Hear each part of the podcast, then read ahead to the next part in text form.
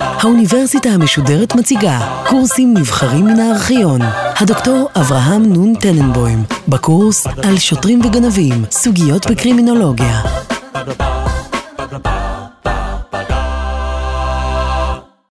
סמים היו חלק אינטגרלי מהתרבות האנושי. כשאנחנו מדברים על סמים, אנו מתכוונים לניסיונות להשפיע על המצב הנפשי באמצעות חומרים.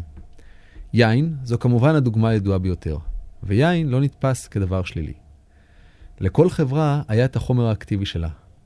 טבק וקוקאין למשל לא היו ידועים באירופה עד לגילוי אמריקה. בתימן וצפון אפריקה היה מקובל ללעוס, גת, והיו עוד סמים כפטריות, שורשים ופירות אחרים ששימשו בעבר ומשמשים בהווה אוכלוסיות שונות. כעיקרון ניתן לומר שכולנו צורכים סמים כל הזמן. סם בעברית זה גם תרופה וגם רעל. חלק גדול מהתרופות הן לפעמים רעל ולפעמים תרופה. בהרצאתנו היום נדבר לכן על מה שמכונה שימוש לרעה בסמים. מדובר בנושא רחב, ולכן נשתדל להתמקד בעיקר על המדיניות החברתית הרצויה. יושם לב שניתן לדבר על התמכרות לסיגריות ועל אלכוהוליזם. ולשתי ההתמכרויות הללו תוצאות בריאותיות קשות. זה מצביע על כך שההגדרה מהו סם מסוכן ומה לא, היא יותר הגדרה חברתית מאשר הגדרה מדעית. זה אולי לא ידוע, אבל בכל המאה ה-19 לא הייתה שום מדינה שאסרה בחוק את השימוש בסמים. רק סין הקיסרית ניסתה לאסור את השימוש באופיום. באותה תקופה יוצר אופיום בהודו שנשלטה על ידי הבריטים. האופיום הגיע לסין, והרבה מאוד סינים התמכרו לו. הממשלה הסינית, שהתנגדה לעישון אופיום, החרימה את מטען האופיום במספר אוניות בריטיות. הבריטים ראו בכך פגיעה בזכויותיהם, ופתחו במספר מלחמות עם סין. מלחמות שנקראו מלחמות האופיום. הצבא הבריטי המיומן והמודרני הביס בקלות רבה את הצבא הסיני.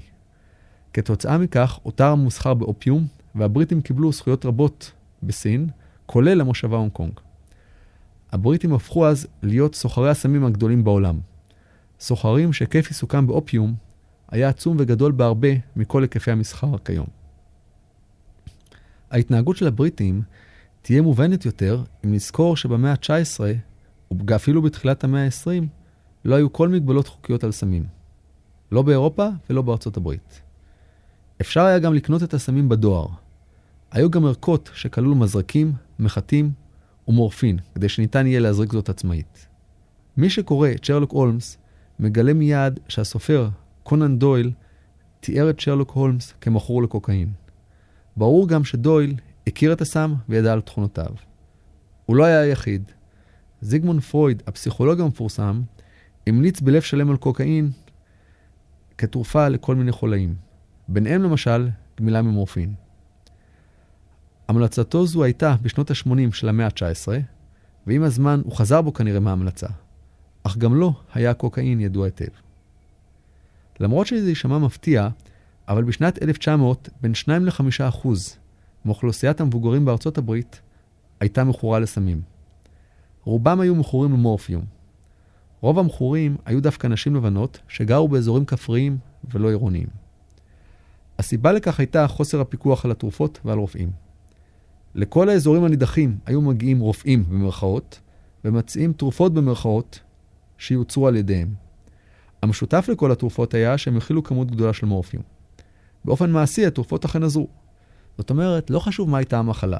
ברור שמי שמקבל מורפיום מרגיש טוב יותר לאחר התרופה. התוצאה הייתה אחוז התמכרות גבוה. כפי שאמרנו, יש ויכוח על המספרים, אבל המדובר בין 2 ל-5 אחוזים מכלל האוכלוסייה הבוגרת בארצות הברית. החוק המשמעותי הראשון היה חוק פדרלי משנת 1906. חוק זה קבע את ההליך לאישור תרופות. התוצאה הייתה שכל אותם רופאים במרכאות שמכרו סמים תוצרת בית יצאו מהמשחק. היו לחוק עוד שני מרכיבים. הוא דרש שסמים מסוימים יימכרו רק על ידי מרשם רפואי, וכן דרש אזהרות לגבי התכולה ותוצאות הלוואי של התרופה. כמות המכורים ירדה פלאים. מקובל לומר שחוק זה הוריד את השימוש בסמים יותר מכל חוק אחר. החוק הראשון בארצות הברית, שאסר שימוש בסמים, חוקק רק בשנת 1914. אבל חוק זה לא אסר את כל הסמים, אלא רק את האופיום, המורפין והקוקאין על נגזורותיהם. הוא לא כלל בתוכו לא חשיש ולא מריחואנה. הצורה שבה חוקקו החוקים הפליליים נגד מריחואנה היא קצת מוזרה. בין שנת 1914 ועד לשנת 1937, בה חוקק חוק פדרלי שאסר מריחואנה, קרוב ל-27 מדינות חוקקו חוקים מדינתיים נגד מריחואנה. מחקר מדוקדק של הסיבות הראה שהחקיקה נעשתה משתי סיבות. הראשונה נבעה מחשש ממהגרים ממקסיקו. במדינות הדרום, כגון טקסס וניו מקסיקו, הצטברה אוכלוסיית מהגרים מקסיקנית גדולה. האוכלוסייה הזו הביאה איתה את החשיש והמרוחאנה ממקסיקו. המחוקקים היו בדרך כלל לבנים מקומיים שלא הכירו את המרוחאנה. הנימוק העיקרי שהוזכר היה סברת המחוקקים שהמרוחאנה גורמת למקסיקנים להשתגע. קבוצת המדינות השנייה היא בעיקרה מדינות הצפון. מאמר מערכת בניו יורק טיימס בשנת 1919 תומך באיסור על מריחואנה. הוא מודה שבניו יורק לא מכירים את המריחואנה, אבל כיוון שב-1914 אסרו על מורפין והירואין, יש חשש שכל המכורים לשעבר להירואין יעברו כעת להשתמש במריחואנה. במילים אחרות, המריחואנה נאסרה כדי למנוע ממכורים להירואין להשתמש במריחואנה במקום בהירואין. בשנת 1937 נחקק חוק פדרלי שאסר שימוש במריחואנה וחשיש, מה שנקרא להם כעת הסמים הקלים. ישיבת הקונגרס שדנה בעניין ישבה זמן קצר להפליא. ראש הסוכנות למלחמה בסמים דאז תמך בחוק. טענתו הייתה שמריחואנה ידועה בכך שהיא משפיעה על אנשים המשתמשים בה וגורמת להם לאי שפיות, פשע ומוות. אגב, היה רופא מטעם אגודת הרופאים האמריקאים שהגיע לדיון. הרופא מסר לחברי הוועדה שאגודת הרופאים לא מצאה כל נזק רפואי מסמים קלים. למרות זאת, החליט הקונגרס בישיבה קצרה, בה כמעט לא נכחו אנשים, להעביר את החוק. גם כיום, מאה שנה לערך אחרי המדיניות האוסרת שימוש בסמים, הנושא עדיין במחלוקת. עיקר הפולמוס הוא לגבי לגליזציה של סמים, ובעיקר לגליזציה של מה שמכונה סמים קלים. השאלה היא אם אין מקום למדיניות שתתיר את השימוש בסמים, או לפחות בחלקם. לצורך עיון בשאלה, נתחיל דווקא בטענות של תומכי הלגליזציה. כל תומכי הלגליזציה מסתמכים בדרך כלל על שלוש הנחות יסוד. ראשית, כל המלחמות במרכאות נגד השימוש בסמים נכשלו כישלון חרוץ. שנית, המלחמות עצמן גורמות יותר נזק מאשר תועלת. הן עולות כסף רב, מעלות לגדולה ארגוני פשע רצחניים, מגבירות פשע ופוגעות קשות בזכויות האדם והאזרח. שלישית, חוקי סמים קלים יותר, ואפילו ביטולם, לא יביאו בהכרח לשינוי דרמטי בכמות השימוש. נדון כעת בטענות לגופן. כל המחקרים מראים שצודקים אלו שטוענים שמלחמות לא הצליחו להוריד את השימוש. הסיבות לכך רבות, אבל נראה שהסיבה העיקרית נובעת מעקרונות כלכליים פשוטים של היצע וביקוש. אם נסתכל על שוק הסמים כעל מוצר כלכלי רגיל, יהיה קל להבין טענה זו.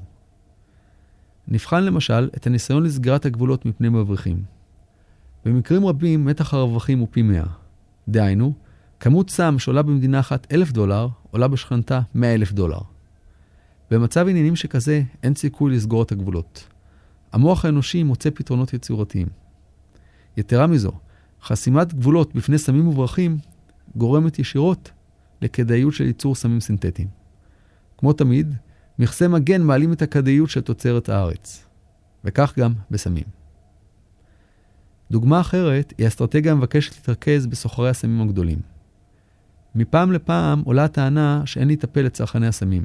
יש לנסות וללכוד את הסוחרים הגדולים. הללו האחראים לנתח גבוה משוק הסמים. הבעיה היא שגם כשתופסת המשטרה סוחר גדול שכזה, היצע הסמים איננו קטן, אלא גדל. למרות התסכול של השוטרים, הכלכלנים יטענו שניתן לחזות זאת מראש. מוסכם בכלכלה המודרנית שמונופול אינו בריא, וגורם לעליות מחירים וירידה בתפוקה. אותה תוצאה קורית גם בייצור סמים בלתי חוקיים. אם סוחר ספציפי משתלט על השוק, מטרתו היא בעיקר למקסם את רווחיו. הדרך לעשות זאת היא על ידי העלאת מחירים ותחרות במרכאות עם יצרנים אחרים. זוהי תחרות שחוקיה נוקשים ואלימים, ולפעמים גם רצחניים. נניח שהמשטרה תפגין יעילות ותעצור את הסוחר השולט. המונופול יישבר מיד, הפחד ייעלם, והמוני יזמים קטנים במרכאות ייכנסו לשוק הסמים ויגרמו מיד להצפתו. היוצא הוא שתפיסת הסוחרים הגדולים לא גורמת לירידה בכמות הסמים בשוק. להפך, כל פעם שנתפסים סוחרים גדולים, הכמות רק גדלה. כך קורה בפועל, וכפי הנראה, יקרה כך גם בעתיד. נראה כי יש פה מוצר שקל לייצרו ויש לו ביקוש גדול. המדינה רוצה להילחם במצח נחושה כנגד כל הכוחות החזקים של השוק החופשי. המדינה רוצה למנוע מהיצרנים לייצר, מהיבואנים לייבא, מהמשווקים לשווק ומהצרכנים להשתמש. מועטים הם חסידי השוק החופשי שיאמרו על סיכויי המדינה להצליח. טענה שנייה היא שהמלחמות בסמים יקרות, מעלות לגדולה ארגוני פשע ופוגעות בזכויות האדם והאזרח. אין ספק שהמלחמות יקרות להחריד. סכום התקציבים הפדרליים בארצות הברית מוערך ב-18 מיליארד דולר לשנה. זה כמובן מבלי לקחת בחשבון את תוצאות הענישה, שגם הן חלות על המדינה. אחת הקריאות החוזרות ונשנות מיועדת כנגד אותם עונשים קלים, במרכאות, שהשופטים גוזרים על עברייני הסמים. גם אם ירצה מישהו להעניש סוחרי סמים בצורה חמורה, הרי מבחינה פרקטית אין תקציב ומקום לבניית בתי סוהר לכל עברייני הסמים. אכיפת חוק חסרת פשרות מעלה לגדולה ארגוני פשע בינלאומיים. בשנות ה-20 הייתה תקופה בארצות הברית בה חל איסור על משקאות חריפים. שנים אלו נקראו תקופת היובש. תקופה זו העלתה ישירות את ארגוני המאפיה למיניהם של שנות ה-20. בצורה דומה יצרה מלחמה בסמים של ימינו ארגוני פשע בינלאומיים שמגלגלים סכומים אסטרונומיים. כבר היום מעורבים ארגונים אלו בפוליטיקה. הם משפיעים לא רק בפוליטיקה מקומית, אלא משפיעים על בחירת נשיאים בארצות אמריקה הדרומית. בעיקר מדברים על קולומביה, אבל לא רק שם. כוחם הרב ויכולת השפעתם של אותם סוחרים נובעת אך ורק מרווחיהם בשוק הסמים. רווחים שכמובן ייעלמו אם יבוטל או יצומצם איסור הסמים. חלק מעבריינות הרחוב בעולם ובישראל מיוחסת למסוממים נואשים. בעיקר עבריינות הכוללת פריצות, גנבות רכב וחטיפות ארנקים. הללו גונבים כדי לממן את מנת הסם שלהם. גניבה שהייתה נמנעת לו הייתה להם דרך לספק את הדרישה לסם באופן חוקי. ישנם לא מועטים שטוענים שניתן היה להפחית את עבירות הרחוב לולא היחס הנוקשה לצרכני הסמים. גם זכויות האדם והאזרח סבלו וסובלים קשות עקב המלחמה בסמים. אפילו בישראל הקטנה הייתה בזמנו תקופה שלא ניתן היה לקבל ספרים בבתי הסוהר. זאת מחשש להברחת סמים. למלומדים רבים ישנן טענות על פגיעות בזכויות אדם אלו. מה אם כן האלטרנטיבה? האלטרנטיבה למצב הקיים היא לגליזציה. אלא שמונח זה אוגד בתוכו מגוון דעות ביחס למדיניות הנכונה לסמים. חשוב לכן להבהיר את המודלים המרכזיים הנכללים בלגליזציה. המודל הקיצוני ביותר הוא מה שנהוג לקרוא מודל הסופרמרקט. על פי מודל זה, סמים יהפכו להיות מוצר צריכה כמו כל מוצר אחר. כל אדם יוכל להיכנס לבית מרקחת או לסופרמרקט ולקנות כל סם שיעלה על דעתו. מעטים מאוד, אגב, תומכים במודל קיצוני שכזה. מודל מתון יותר מבקש לראות דוגמה במכירת הסיגריות והאלכוהול. תהיה קיימת בקרה צמודה של המדינה על ייצור, מכירה והפצה של סמים, בעיקר סמים קלים. כמובן, תיאסר מכירת סמים מסוכנים מדי, תיאסר מכירה לקטינים, ותהיה מערכת של רישוי ופיקוח הדוקים. יש להוסיף כמובן את המיסוי הכבד שיוטל על הסמים. מודל מתון ביותר הוא אי האכיפה. על פי מודל זה קיים חוק האוסר שימוש בסמים, אבל החוק לא נאכף בפועל. שימוש בסמים קלים איננו נחשב לעבירה פלילית, והחזקת סמים שלא למטרות מסחר איננה עבירה, אלא, אם כבר, גוררת קנס בלבד. גם שימוש בסמים קשים איננו נחשב לעבירה פלילית, אלא יותר לבעיה רפואית. המודל המתון ביותר הוא מודל המכונה הפחתת הנזק. התומכים בו מתנגדים לשימוש בסמים וסבורים ששימוש בסמים הוא אכן מזיק ולא כדאי. אבל הם משלימים עם כך שישנם אנשים שלא רוצים ואולי אינם מסוגלים להפסיק להשתמש. יש להשלים עם העובדה שתמיד יהיו אנשים שישתמשו בסמים, וכל חוק או איום לא ישנה זאת. המטרה לכן צריכה להיות הפחתת הנזק שנגרם לחברה על ידי המשתמשים. יש לנסות לעזור למכורים ולאפשר להם לנהל חיים נורמליים ככל האפשר. החברה צריכה להשלים עם השימוש ולהימנע משיפוט מוסרי של המשתמשים. וריאציות שונות קיימות כבר כיום. מקובל לראות את הולנד כדוגמה לכך שאפשר גם אחרת. דה פקטו, שימוש בסמים רכים איננו אסור בהולנד, וניתן לקנות באמסטרדם כמעט בכל בית קפה גם סמים רכים. למרות זאת, אחוז הפשע והאלימות באמסטרדם נמוך יותר מאשר בארצות הברית. לטענת רבים, זוהי הוכחה לכך שלא צריך לנסות ולדכא את השימוש בסמים, משום שהניסיון לא יצליח. אלא שבנקודה מרכזית אחת צודקים שוללי הלגליזציה. תומכי הלגליזציה טוענים שחוקי סמים ליברליים לא יביאו לשימוש מסיבי בסמים. לטענתם, אפילו יותרו הסמים, הרי רוב הציבור לא ישתמש בהם. טענה זו איננה נכונה. הנתונים הידועים כיום מראים כי אחוז המשתמשים עולה ביחס ישיר לקלות הגישה. במקומות בהם חוקי הסמים קלים יותר, עולה גם אחוז המשתמשים בסמים. עובדה זו נצפתה שוב ושוב. על פי האומדנים, בשנות ה-20 היו בארצות הברית כחצי מיליון מכורים לסמים. עם חקיקת החוקים הייתה ירידה דרסטית. בשנת 1945 היו רק כ-50 אלף מכורים. השפעה זאת נובעת מכך שרוב המשתמשים עושים זאת באופן אקראי, מתוך סקרנות ומתוך מטרה להתנסות זמנית בחוויות אלו. אם הגישה לסמים איננה קלה, וישנם סיכויי מאסר, אין הטרחה שווה להם, והמשתמשים מוותרים. כך למשל, התמכר מספר גדול של חיילים אמריקאים לסמים בתקופת שהותם בווייטנאם. אבל כשהם חזרו לארצות הברית, התברר שרובם הגדול הפסיקו להשתמש בסמים. פשוט בגלל הבעיות החוקיות והטרדות שנלוו לכך. ייתכן אבל שישנו פתרון שונה לחלוטין לבעיית הסמים המסוכנים. פתרון שהוא בעיקרו רפואי. מחקרים חדשים הצביעו על תפקידו של קולטן במוח הקשור לחומר המכונה דופמין. על פי התיאוריה, כל דבר שגורם לנו אושר או הנאה מועבר בחלקו על ידי דופמין. תהי זו הנאה מאוכל, זכייה בתחרות, מין או התרוממות רוח מעלייה בדרגה. כל אלה מושפעים בעיקר על ידי כמות הדופמין המועברת. בדרך כלל, המוח מייצר דופמין בקצב קבוע יחסית. כתוצאה מכך, רק חלק מקולטני הדופמין עסוקים. אלא שסם משפיע כמו קוקאין, גורם למוח שחרור בבת אחת של כמות גדולה של דופמין. כתוצאה, כל הקולטנים מופעלים יחד. זו הסיבה להנאה עילאית שגורם השימוש בסם. אבל אחרי השימוש, המוח מנסה להתגבר על הכמות על ידי השפעתה של חלק מקולטוני הדופמין. התוצאה היא שכאשר הסם מתפוגג, הנאה פחותה מהרגיל, בגלל הפגיעה בחלק מהקולטנים.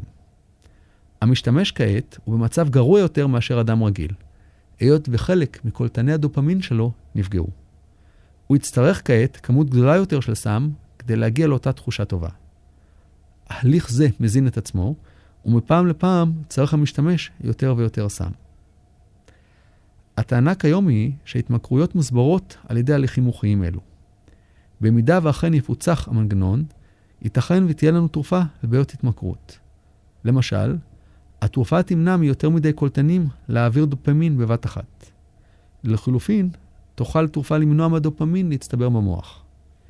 המשתמש בסם לא ירגיש כעת דבר, וממילא לא יהיה טעם בלקיחתו. כבר כיום ישנן מספר תרופות מעין אלו, אלא שהשימוש בהן בעייתי.